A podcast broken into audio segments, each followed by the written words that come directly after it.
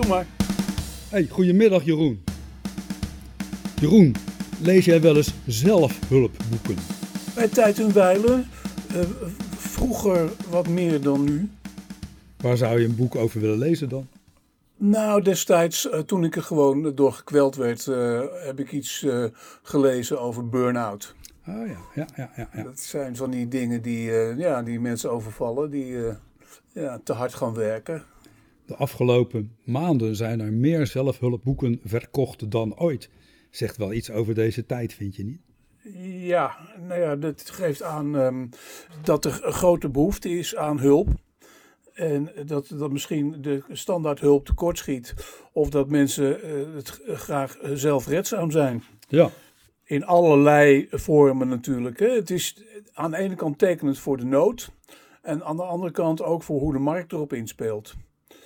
En omdat er een markt voor is, ehm, ja, is het ook eh, wel een wildgroei eh, in sommige gevallen. Ja, het eh, zelfhulpboek van Ali B, dat kan niet meer verschijnen. Nee, nee. Iets anders Jeroen, jij bent toch een groot fan van Neil Young? Ja, al heel erg lang. Ja, vanaf Harvest. Down by the River. Cinnamon Girl. Tonight's the Night. 1975. Ja, handgemaakte muziek. Heel stemmig, heel melancholisch. Ehm, eh, ook heel erg eh, nuttig voor, eh, bij zelfhulpsessies. Hij in het nieuws op het ogenblik omdat hij samen met Joni Mitchell en wellicht dat er nog anderen volgen tegen Spotify heeft gezegd: ik ga eraf of die Joe Rogan gaat eraf van Spotify. Er was nogal wat ophef ontstaan over de podcast van Joe Rogan. Heb je dat gevolgd? Ja, maar het, het, het gevolg is nu toch dat ze er allebei af zijn. Ja, Jong en Mitchell die hebben muziek teruggetrokken van Spotify, maar Rogan die mag blijven. Wel vermeldt Spotify ergens op hun site de feiten over corona. Spotify handhaaft de Joe Rogan Experience omdat ze een groot belang hebben bij deze podcast. Spotify was natuurlijk aanvankelijk puur een muziekplatform, maar is ook eh, heel actief op het gebied van podcasts. Hakketak is er ook te beluisteren, gelukkig.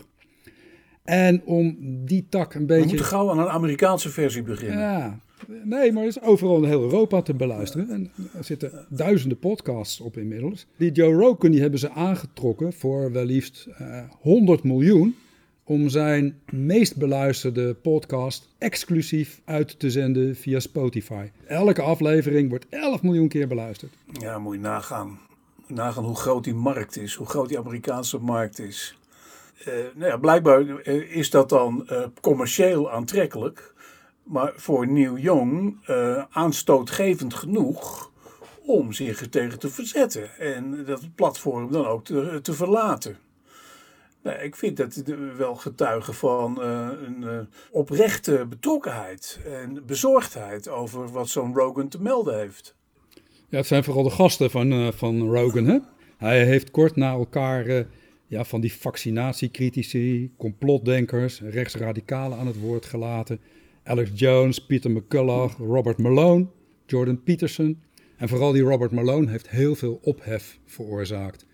Misschien ook omdat hij een paar weken later heeft gesproken op een grote demonstratie van antifaxers en mensen tegen de coronamaatregelen, Ja. die we in Nederland ook kennen. Het was trouwens op dezelfde dag, 23 januari.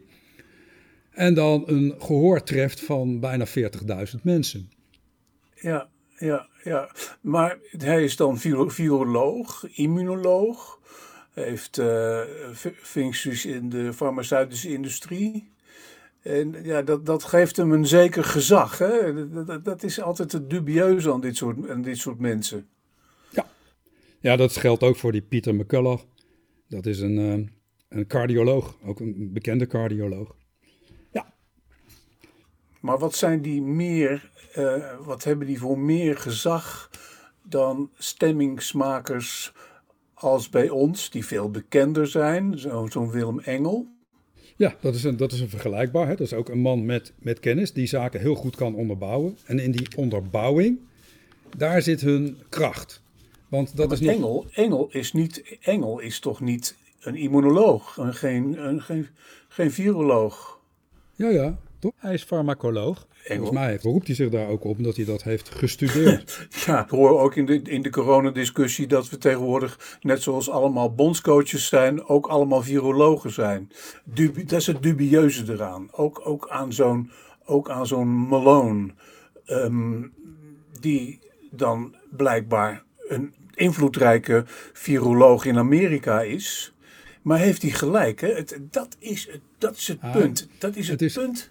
Invloed, invloedrijk is hij alleen onder de antivaxers. Ja. Nou, eh, heeft hij gelijk. Ik vind het dan wel prettig dat ik dan zo'n podcast eens helemaal kan beluisteren. Nou, het was een hele zit hoor. Duurt wel liefst drie uur. Mhm. Nou, maar dan kom je ook achter wat voor man het is. Zal ik het eens een kort samenvatten wat hij zegt? ja, is goed. Hij zegt eigenlijk dat deze hele epidemie en alle maatregelen eigenlijk niet nodig zijn. En hij zegt ook dat vaccineren niet goed is voor de mens. Nou, dan kun je ook merken waar de schoen wringt. Hij beweert dat ziekenhuizen vroege behandelingen met bepaalde medicijnen, die hij dan ook noemt, chloroxine, ik, ik- ben de term even kwijt. Maar je weet, veel gehoord, ook Trump die heeft erover gepraat dat de ziekenhuizen behandeling met dergelijke medicijnen zouden tegenhouden vanwege financiële redenen. De ziekenhuizen, zegt hij, krijgen extra betaald voor elke COVID-opname en zelfs nog extra voor iedereen die aan COVID overlijdt. Dus een commercieel belang. Artsen, zegt hij, die durven niet met de feiten naar buiten, omdat zij vaak schulden hebben en bang zijn hun baan kwijt te raken en dus ook maar de ziekenhuizen naar de mond praten en het publiek niet goed voorlichten. Nou, dat is al heel vreemd natuurlijk, hè? Dan zegt hij, die medicijnen die worden ook nog eens niet verspreid omdat ze al heel lang bestaan en de farmaceutische industrie er dus niets aan kan verdienen. Die hebben alleen belang bij vaccinatie. Nou, en dan komt hij ook nog op de steun van de overheid. Dan zegt hij, de overheid die heeft ook belang bij COVID. En de overheid die bevordert actief dat die goedkope medicijnen, dat die medicijnen niet verstrekt mogen worden. Hij gaat heel ver daarin en dan merk je ook dat hij een complotdenker is. Hij zegt, Biden heeft met Modi uit India, waar ze de corona heel goed hebben bestreden, afgesproken dat het geheim van die bestrijding, die vroege medicijnen, niet mag worden vrijgegeven. En waarom doet hij dat? Nou, nou komt het, hetzelfde verhaal wat je overal hoort. De overheid is betrokken in het grote complot. En dat complot dat zorgt ervoor dat de mensen in angst moeten leven. En dat de regering de coronamaatregelen kan handhaven hè, door die angst. En intussen worden de mensen gecontroleerd of nog angstiger. En dat is om reden dat de regeringen overal ter wereld uiteindelijk streven naar een totalitaire staat. Ja, daar heb je het weer, hè? En die totalitaire staat die wordt mondiaal en geleid door een kleine rijke elite. Daar hebben we Nou, het weer. Vul het maar in. Daar hebben we het weer. Maar wat voor toon spreekt die Malone? Eh, eh, Als een gezaghebbend man, als een viroloog, dat hij ook zegt, en dat is absoluut onomstotelijk bewijsbaar niet waar, dat hij die NMRA-techniek heeft uitgevonden. Nee, hij heeft ooit eens een keer meegewerkt aan een eh, proef op muizen met iets wat op een MRA-techniek lijkt. de techniek achter Pfizer en Moderna. Ja, Ja. Hij is inmiddels verbannen Ja. van Twitter en YouTube vanwege het verspreiden van misinformatie. Maar ja, goed, ik vond het toch wel aardig om eens naar hem te luisteren. En dan kom je erachter dat het gewoon een pure complotdenker is. Ja. ja, het punt is, afgelopen zaterdag heb ik zo'n booster gehaald. Hè? Ehm, het was niet eens druk in de Utrechtse jaarbeurs. Er zaten wel gewoon een aantal mensen op een rij. En eh, die zit daar op stoeltjes. En dan komt er een juffrouw op een krukje langs die een tafel voor zich uitduwt. Nou, op dat moment eh, zit ik absoluut niet te denken aan van die figuren als Robert Malone. Eh, met, met mij eh, denk ik ook niet die andere mensen op die stoeltjes. Eh, omdat die, denk ik, het oprechte en gezonde vertrouwen hebben dat wat ze ingespoten krijgen, ehm driedubbel en dwars eh, is getest en goed voor hun gezondheid. Waar ze niet bang voor zijn, maar waar ze bezorgd over zijn. Niet alleen voor zichzelf, maar ook voor de medemens.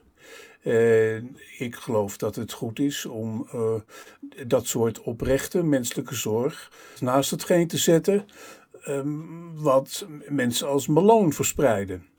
Uh, alleen um, door um, ook zijn betoog nu ook weer hier te herhalen, krijgt het een, een, een, zeker, een zeker niveau van waarheid. Omdat het verspreid wordt als informatie die jij en ik toch allebei toch het liefst ontkrachten, toch? Ja, zeker, maar door, door hier eens over te praten kun je ook zien wat, wat zijn beweegredenen zijn. Hè? Het is een echte complotdenker. Uiteindelijk wil hij dat de mensen gaan geloven dat er een groot complot gaande is tegen de mensheid. En daarbij haakt hij trouwens aan bij Matthias de Smet, een Vlaamse klinisch psycholoog die verbonden is aan de Universiteit van Gent.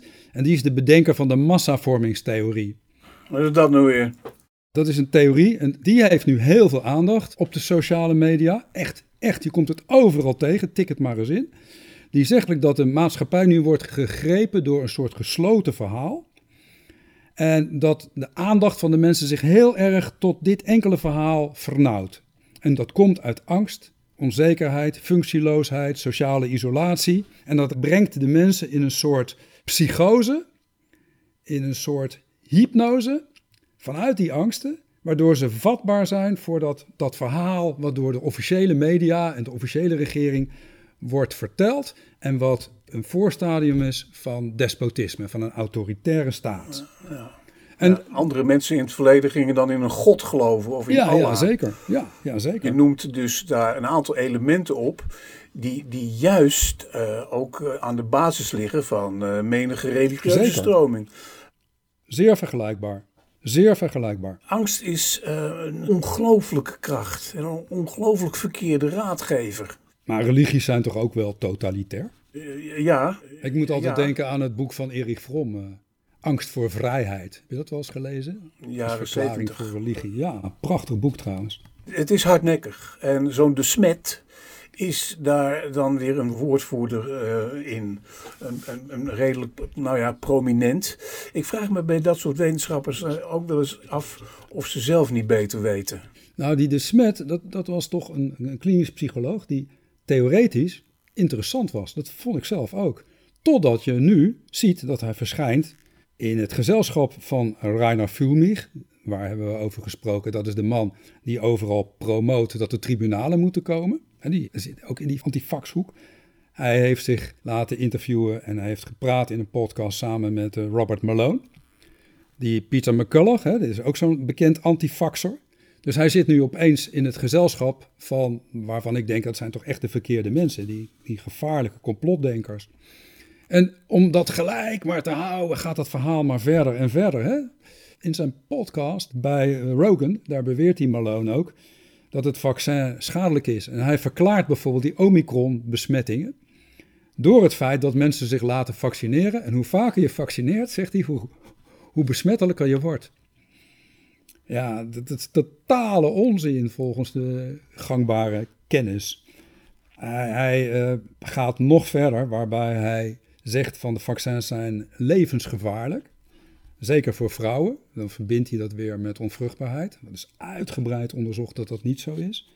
En hij zegt bij kinderen is het helemaal gevaarlijk, omdat die infectie aan hun hartspier gaan oplopen. En hij zegt het is bekend, maar de wetenschap houdt het achter. Nou, daar is geen sprake van. Dus echt, echt gevaarlijk zo iemand. Ja, maar is het uh, met een herhaalde en permanente verspreiding van dit soort onzin... Uh, uiteindelijk toch ook niet de bijl aan de wortel van al die complottheorieën. Namelijk uh, dat ze voor een groot deel gebaseerd zijn op, op kwatsch. Dus ondergraven ze zichzelf eigenlijk niet? Nee, dat wijst de geschiedenis uit. Kijk, de Nazi's zijn aan de macht gekomen op basis van twee complottheorieën. Dat is dezelfde waar we nu eigenlijk over spreken. Een kleine, rijke elite met veel macht. Die wil de wereld overnemen, die wil mensen controleren. De wijze van Zion. Een levensgevaarlijk complot. En de gedachte dat uh, Duitsland de oorlog niet verloren had. De dolkstootlegende. Maar de verraden door de, de Eerste Wereldoorlog. Ja, hè? de Eerste Wereldoorlog niet verloren had. Uh, maar verraden is door de eigen regering en industriële en Joodse mensen. Dat heeft geleid tot, tot verschrikkelijke zaken. Ja, wat is er van die nazi's uiteindelijk ook weer overgebleven? Dat is zo, maar het heeft wel ongelofelijke schade aangericht. Trump die probeert opnieuw aan de macht te komen met complottheorie. Vorige keer is hem dat ook gelukt. Dat was een hele belangrijke complottheorie dat Obama niet in Amerika geboren was en dus onterecht president is. Nu verspreidt hij dat complot Ja, van de stiel. Deze dwaas, deze dwaas heeft zich onlangs ook uitgelaten in de sfeer van gratie voor de bestormers van het kapitool. Nou, ja, daar geeft hij eh, toch ook wel weer aan wat voor een, eh, een ongelofelijke, niet eens gevaarlijke, maar wel dubieuze gek die zelf is. Want hij was een van de aanstichters van die bestorming. En er is des te meer reden om deze man met pek en veren in de Atlantische Oceaan te dumpen. Als we dan kijken naar Orbán in, in eh, Hongarije, er komen binnenkort weer verkiezingen. Die is ook aan de macht gekomen op basis van een complottheorie. Hè, dat ging over ehm, die, die, die Joodse filantroop. Help me eens even. Ehm, Soros. Soros, ja. En dat is belangrijk eh, geweest in zijn verkiezingscampagne. In Polen, daar is het grote complot dat helikopterongeluk, waarin eh, een van de broers Kaczynski, de grote mannen achter de, de PiS, de regerende partij in Polen, om het leven is gekomen. En zijn broer wijt dat ook aan een complot. Hè? Het was geen, geen neerstorten van een toestel, nee, het was moord. Die complottheorieën die zijn gevaarlijk, Jeroen. Want ze destabiliseren een samenleving. En een gedestabiliseerde samenleving is gevaarlijk. Ik mag hopen dat er eh, een, een hele stapel zelfhulpboeken eh, verschijnt binnenkort. Die dit eh, nou eens even definitief ontzenuwt. En dat het, Ja. dat het gezag tegen dit soort flauwekul niet alleen komt van oude barden als Neil Young en ik geloof ook Joni Mitchell. Maar dat er ehm, voldoende gezonde pers is. Eh, dat er eh, gezonde, voldoende gezonde schrijvers zijn. Die niet alleen eh, zelf hulpboeken tegen de Maloons van deze wereld en de De Smets van deze wereld uitgeven. Maar definitief mee afrekenen. Inderdaad. Nazi's, eh, nazi's kwamen met dit soort theorieën en speelden ook in op de angst van de massa. Vervolgens hebben er hele grote hoeveelheden Amerikaanse en Engelse geallieerde soldaten hun leven voor gegeven om dit kwaad te bestrijden. Nou, ik had gehoopt dat het definitief was. Eh, er is een gezonde Europese Unie ontstaan met allerlei instituties om eh, in ieder geval het recht zijn loop te laten hebben. Het is treurig dat er opnieuw antisemitische eh, tendensen zijn, dat er zo'n zo'n golf is. En aan de andere kant, in, in, in, dit, in dit geheel ben ik toch ook wel weer blij met de toespraken in Amsterdam bij de Holocaustherdenking, waarin duidelijk afstand wordt genomen van het de kop opstekende antisemitisme, getuigen allerlei dubieuze berichten in sociale media. Ja, waakzaamheid is geboden. Ja, We mogen het heden niet met het verleden vergelijken, zegt Louis Tas. Maar let op, de rechtsstaat is geen vanzelfsprekendheid. Waakzaamheid is geboden. Ja, het, het, het zit in de mens om eh, scheef te gaan, om de ander te bestrijden op oneigenlijke gronden. Ik vind het aan de andere kant ook wel weer een, een goed teken dat, dat er dit soort sprekers opstaan eh, bij dit soort gelegenheden. Eh, even eh, terzijde. Ik vind het ook wel weer gunstig, wat nu weer net in het nieuws is, dat uitgeverij Ambo Antos zo geschrokken is van alle commentaren op het boek over het verraad van Anne Frank, dat ze voorlopig niet willen gaan herdrukken totdat de onderzoekers eh, toch met meer overtuigende bewijzen komen. Eh, het, is, het is een terzijde, maar het past wel in het, het wat mij betreft gunstige tegenwicht tegen al die ehm, ook door jou weer genoemde teneuren hè, en, de, en de complotten. in veel algemenere zin ehm, hoop ik dat offensieven tegen complottheorieën ook blijven werken. Hoe, hardnek, hoe, hoe, hoe hardnekkig ze ook zijn. Hè? Kunnen we nog eens even terug naar Spotify? Hè? Jij uh, noemt net twee bewonderde artiesten. Ja. Joni Mitchell en vooral jou, Neil Young, zal ik maar zeggen. ik weet nog dat jij mij voor het eerst uh, liet kennismaken met Neil Young. Op een avond op de Utrechtse studentenkamer. Uh, maar... Luister maar, luister maar. Ja, mooi. Dit is van Barn, zijn nieuwste plaat. Maar wat denk je dan van Van Morrison en een andere door jou zeer beroemde, bewonderde artiest, eh, Eric Clapton? Die zitten in heel die andere hoek. Die zitten in de hoek van uh, Rogan. En uh, vooral Van Morrison. Ja, het valt me, dat valt me nogal van ze tegen. Uh, wie, wie ook zo'n zo'n rabiaat rechtse muzikant is geworden, of altijd is geweest, is Ted Nugent. Man van een enorme hoeveelheid kabaal. Uh, een, van die, een van die metal jongens. Nou ja, ik heb, ik heb een, een, een dik Amerikaanse pil ooit van hem meegenomen uit Amerika. die man is zo onversneden rechts. En ja, het valt mij, het valt mij tegen van Clapton dat hij ook uh, in, in die hoek is uh, gaan zitten. Uh, hij is de man die ook geen bezwaar maakt tegen het afschieten van wild, hè, geloof ik. Heeft hij dat onlangs ook gezegd? Ik weet het niet. Dat heb ik niet gehoord. Daarop voortbordurend, hè? Jij vindt dat heel mooi, hè? Geef je aan. Je vindt dat heel goed. Dat deze mensen zich terugtrekken en de discussie aangaan. En ook zeggen, hij eraf of ik eraf. Ik heb daar mijn twijfels over. Ja. Ik vraag mij af of het uh, burgers moeten zijn, artiesten, politici, die sociale media dwingen tot het verwijderen van inhoud. Ik heb nou deze week drie uur naar die uh, man zitten luisteren. Ik vond dat toch een, een podcast die mij geholpen heeft om heel veel mensen weer te begrijpen. Mensen die, naar mijn stellige overtuiging, sterk worden misleid. En als je deze mensen door druk cancelt, want dat past eigenlijk in die cancelcultuur, ben je dan wel of niet bezig met censuur? Dat is ook natuurlijk zo'n beladen begrip. Censuur is ooit ook nog eens een keer nu natuurlijk een officieel bestuursinstrument geweest om uh, onwelgevallige of uh, um, onjuiste dan wel niet kloppende beweringen te schrappen. Uh, dat was natuurlijk, uh, natuurlijk het, het, eerste, de beste middel van totalitaire regimes om critici de mond te, te snoeren. Ja, maar Jeroen, als je nou deze Malone de mond snoert op alle sociale media. Hij is geband van Twitter. Hij is geband definitief van Twitter, maar ook van YouTube.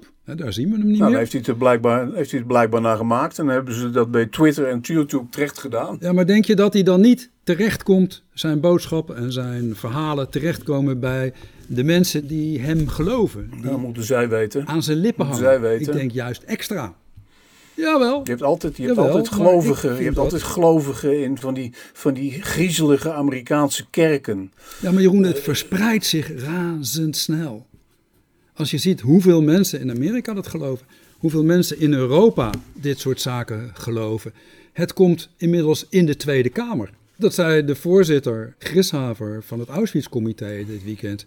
Antisemitisme wordt gevoed door de praatjes van politici, ook in de Tweede Kamer. En als het ondergronds gaat, kunnen we dat niet meer bestrijden. Iedereen is volgens de Nederlandse wet behoudens zijn verantwoordelijkheid voor de wet in staat om zijn mening te uiten. Waarom pakken we dit soort mensen niet op? Waarom klagen we ze niet aan? En het is dan de taak van de rechter om te oordelen of zo iemand gevaarlijke, al dan niet heel gevaarlijke, onwaarheid spreekt. En wat je in Nederland ziet, komt nu een proces tegen Willem Engel. Nou, Willem Engel zou moeten aantonen dat hetgeen hij vertelt op waarheid berust. Er is toch per 1 januari juist ook een nieuwe wet van kracht geworden eh, die dit soort dingen tegengaat? Precies. Nou, waarom zegt een rechtbank niet uiteindelijk, of zegt een officier van justitie, waar ook ter wereld niet, van meneer Malone, kom je eens verantwoorden. Kijk, die man die zegt overal, ik ben de uitvinder van de NMRA-vaccins. Dit is gewoon een pure leugen, aantoonbaar. Ik weet dat ziekenhuizen worden omgekocht. Hè? Dat die heel veel geld krijgen om de waarheid niet te vertellen. Nou, toon het maar aan. Als dit soort grootheden, dit soort leiders van deze nare complotdenkersbeweging ontmaskerd worden, dan komen we toch tot een heel ander verhaal. Nou, ik vind het, ik vind het, ik vind het geen grootheid, ik vind het geen leider. Ik vind het een, uh, een, een, hele dubieuze propagandist. Nou, 40.000 mensen in Washington staan hem toe te juichen. En dat maakt indruk, Jeroen. Nou, eh, niet op mij. Ik vind nee. het, uh, ik vind het fake news. Ja, maar deze mensen die doen alsof ze klokkenluiders zijn. Hè? Ze hebben de waarheid in pacht. Nou, ik ken echt wel mensen met allerlei uh, uitspraken die rechtstreeks te herleiden zijn tot deze mensen. Het hele idee van die tribunalen, dat komt ook van zo iemand. Hè? We hebben hem genoemd, Fulmich. Nou, dit, dit idee van die gevaarlijke vaccins, en uh, dat komt van Malone. Nou, de, het overnemen van de wereld. Waar komt dat? Dat komt ook van dit soort mensen. Dat, dat is dat ja. gesloten narratief, dat gesloten verhaal, wat ja. invloed krijgt in, ja. in de wereld. Je kunt, er, kunt blijkbaar niet, je kunt blijkbaar niet genoeg doorheen prikken. En dat is onder andere uh, wat uh, mensen daar bij het Holocaustmonument doen. En wat wij ook regelmatig en gelukkig maar doen. En wat Neil Young doet. Ja, maar cancelen, helpt dat? Of moeten we het weer spreken en moeten de mensen voor de rechter verschijnen? Die oordeelt of de vrijheid van meningsuiting door hen nou ja, het begint in Nederland, wordt gebruikt. Het begint in Nederland uh, heel goed met uh, wat jij noemt die 40.000 man in Washington. Er zijn ook heel veel aangiftes gedaan tegen Willem Engel. Dus uh, tegenover dat soort demonstranten eh, staan proportioneel blijkbaar voldoende eh, Nederlandse opponenten om eh, Willem Engel voor de rechter te brengen. En die zal dan wel weer uh, die merkwaardige cabaretier advocaat bij zich hebben. Die een mooi nummer maakt en uh, daar uh, dan ook de rechtsgang ter zitting mogelijk ook weer belachelijk maakt. Ja, dit, dit, dit, het, is een, het, komt in een carousel terecht, hè, waarin zo'n Malone ook blijkbaar steeds weer kan opduiken. Het typeert twee dingen. Die permanente onderstroom van dat soort gedachtegoed, dat uh, maar uh, niet uit die hoofden te branden is. En gelukkig, met rechtsgang en al, ook de tegenstroming. En daar zitten we in, daar zitten we in. En nogmaals, uh, zelfhulpboeken of een, een, een, een, nieuwe analyse daarover zou ook welkom zijn. En wat bedoel je met een nieuwe analyse? Nou, uh, het boek dat einde maakt, een grondig einde maakt aan al deze complottheorieën. Nou, dat gaat niet gebeuren, Jeroen. Waarom niet? Waarom, waarom niet? Waarom eigenlijk niet? Het is geen goed idee. Het is geen goed idee. Die boeken die kun je schrijven, maar die worden niet gelezen. Die worden niet geloofd. Door wie niet? Ja, door de complotdenkers niet, nee. Maar, nee, nou, als die groep groeit.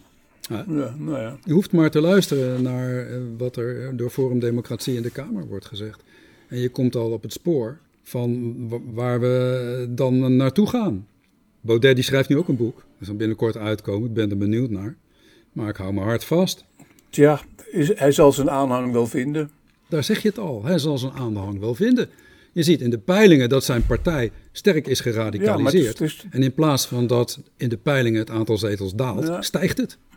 Ja, nou ja, dat is, dat is kwalijk. Maar in tussentijd, ik denk dat onze samenleving, onze instituties, uh, zich veel meer moeten inzetten om betrouwbaar te zijn, zich uh, ook te uiten tegen deze zaken. Neem deze week hè, de politie, om maar een voorbeeld te noemen. Strafrechtelijk onderzoek tegen agenten in Den Haag. Die delen extreem pornografisch materiaal en antisemitisme. Terecht. Weg met dat soort agenten. Horen niet in de opleiding thuis, moeten direct worden verwijderd.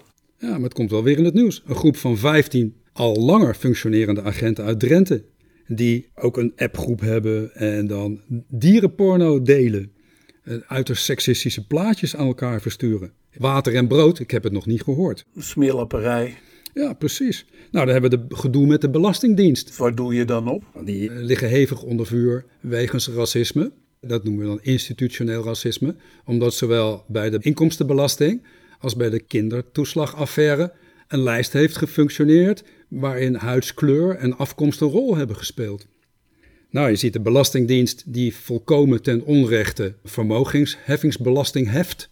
En dat wordt door de Hoge Raad veroordeeld. En wat zegt de Belastingdienst? Ja, we weten nog niet of we dat allemaal kunnen teruggeven. En ze duiden er dan op dat degenen die onderdeel zijn van de rechtszaken terugkrijgen en de rest van de mensen, daar weten ze het niet van. Ja, dat is een rechtsongelijkheid. Als je dat gaat uitdragen, dat lijkt me ook niet al te sterk. Ja, natuurlijk, maar ook hier, hier zijn er toch weer twee kanten aan. A, het kwaad dat blijkbaar bestaat en nogal hardnekkig is ook.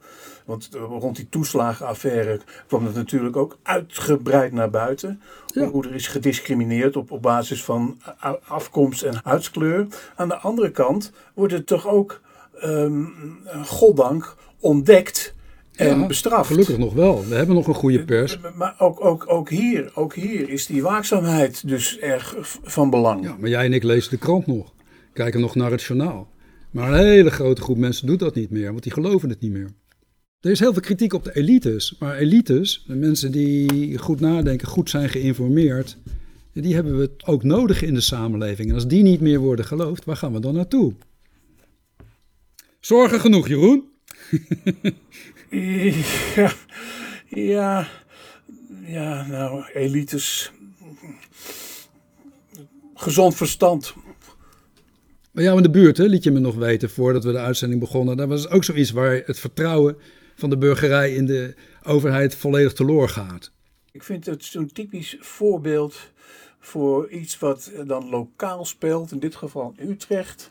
Ik kan er uh, uit mijn raam gewoon bijna naar kijken. Dat is uh, onder andere een stukje groen wat ze in Utrecht het Hommelbos noemen. Nou, het Hommelbos is uh, eigenlijk niet meer dan zeg maar twee hectare met, met redelijk mooie, aardige bomen. Moeten gewoon blijven staan. Maar wat is er dan weer vlak naast dat bos? Een groot terrein uh, waar flats omheen staan.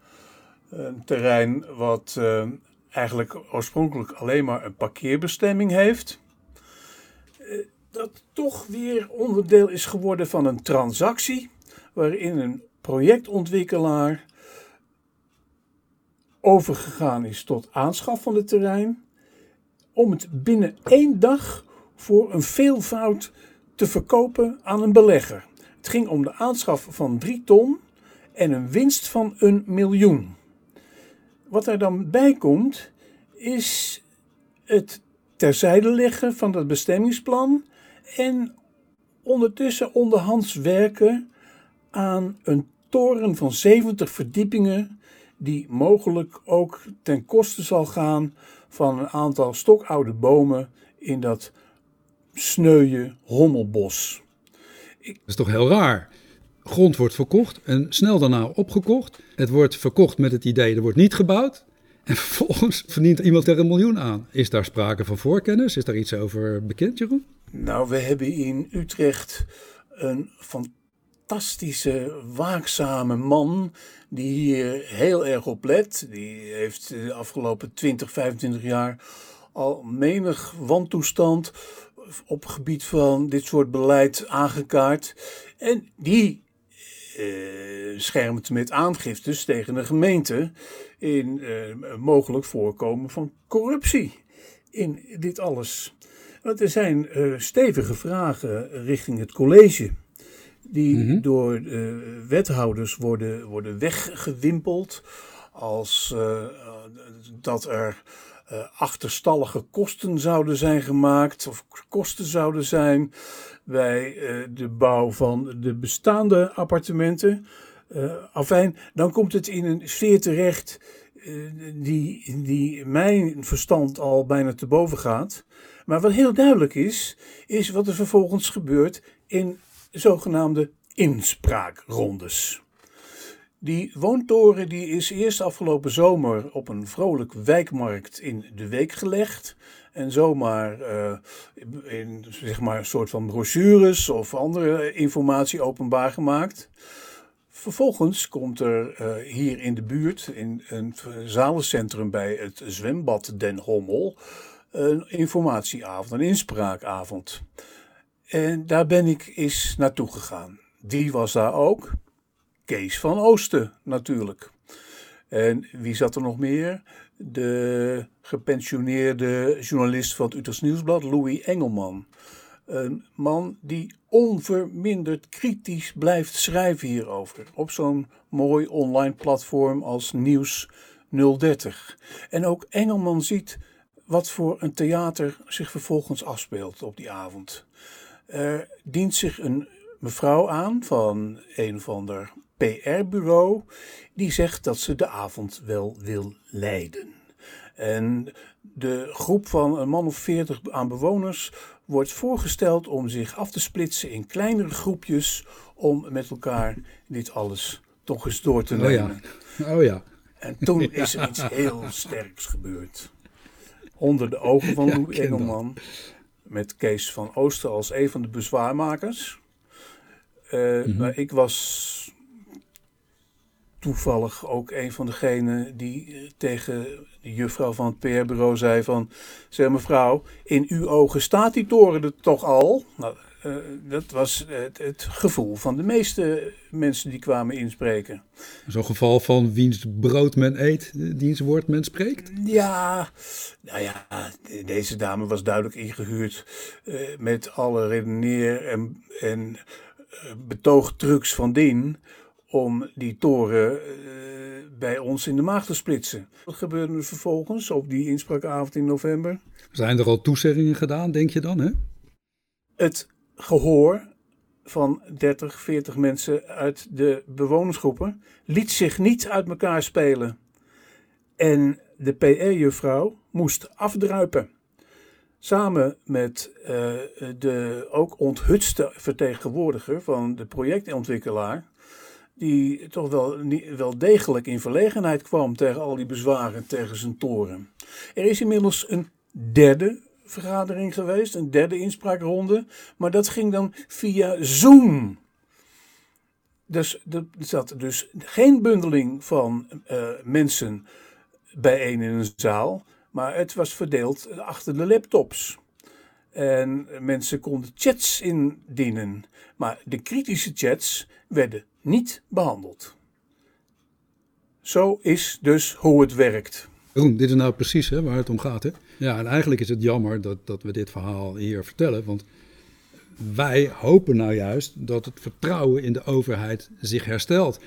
Maar dan moet de overheid wel het goede voorbeeld geven. En de overheid moet keihard aan de slag om zijn vertrouwen te herstellen. Als je ziet in de Tweede Kamer hoe laag het vertrouwen is. Nou, dit is niet goed. En dit is ook een van de oorzaken waarom zoveel mensen die andere kant gaan uitkijken. Paul, naar de andere kant kijken, dat is één. Uh, naast het wantrouwen in de overheid, wat door zo'n woontorentoestand ook niet uh, wordt versterkt. Maar radicaliseren naar rechts, dat is ook weer iets anders. Jeroen, als je je geloof in de overheid verliest en je verliest dat keer na keer na keer, ja, dan kun je of terugtrekken maar dus mensen die echt iets aan de samenleving willen doen, die gaan naar de randen toe. Je ziet het in de Tweede Kamer ook gebeuren. Mensen trekken naar die randen, die, die trekken uit dat midden weg. En het midden is zo belangrijk in een democratie. Daarom waakzaam blijven tegen dit soort tendensen.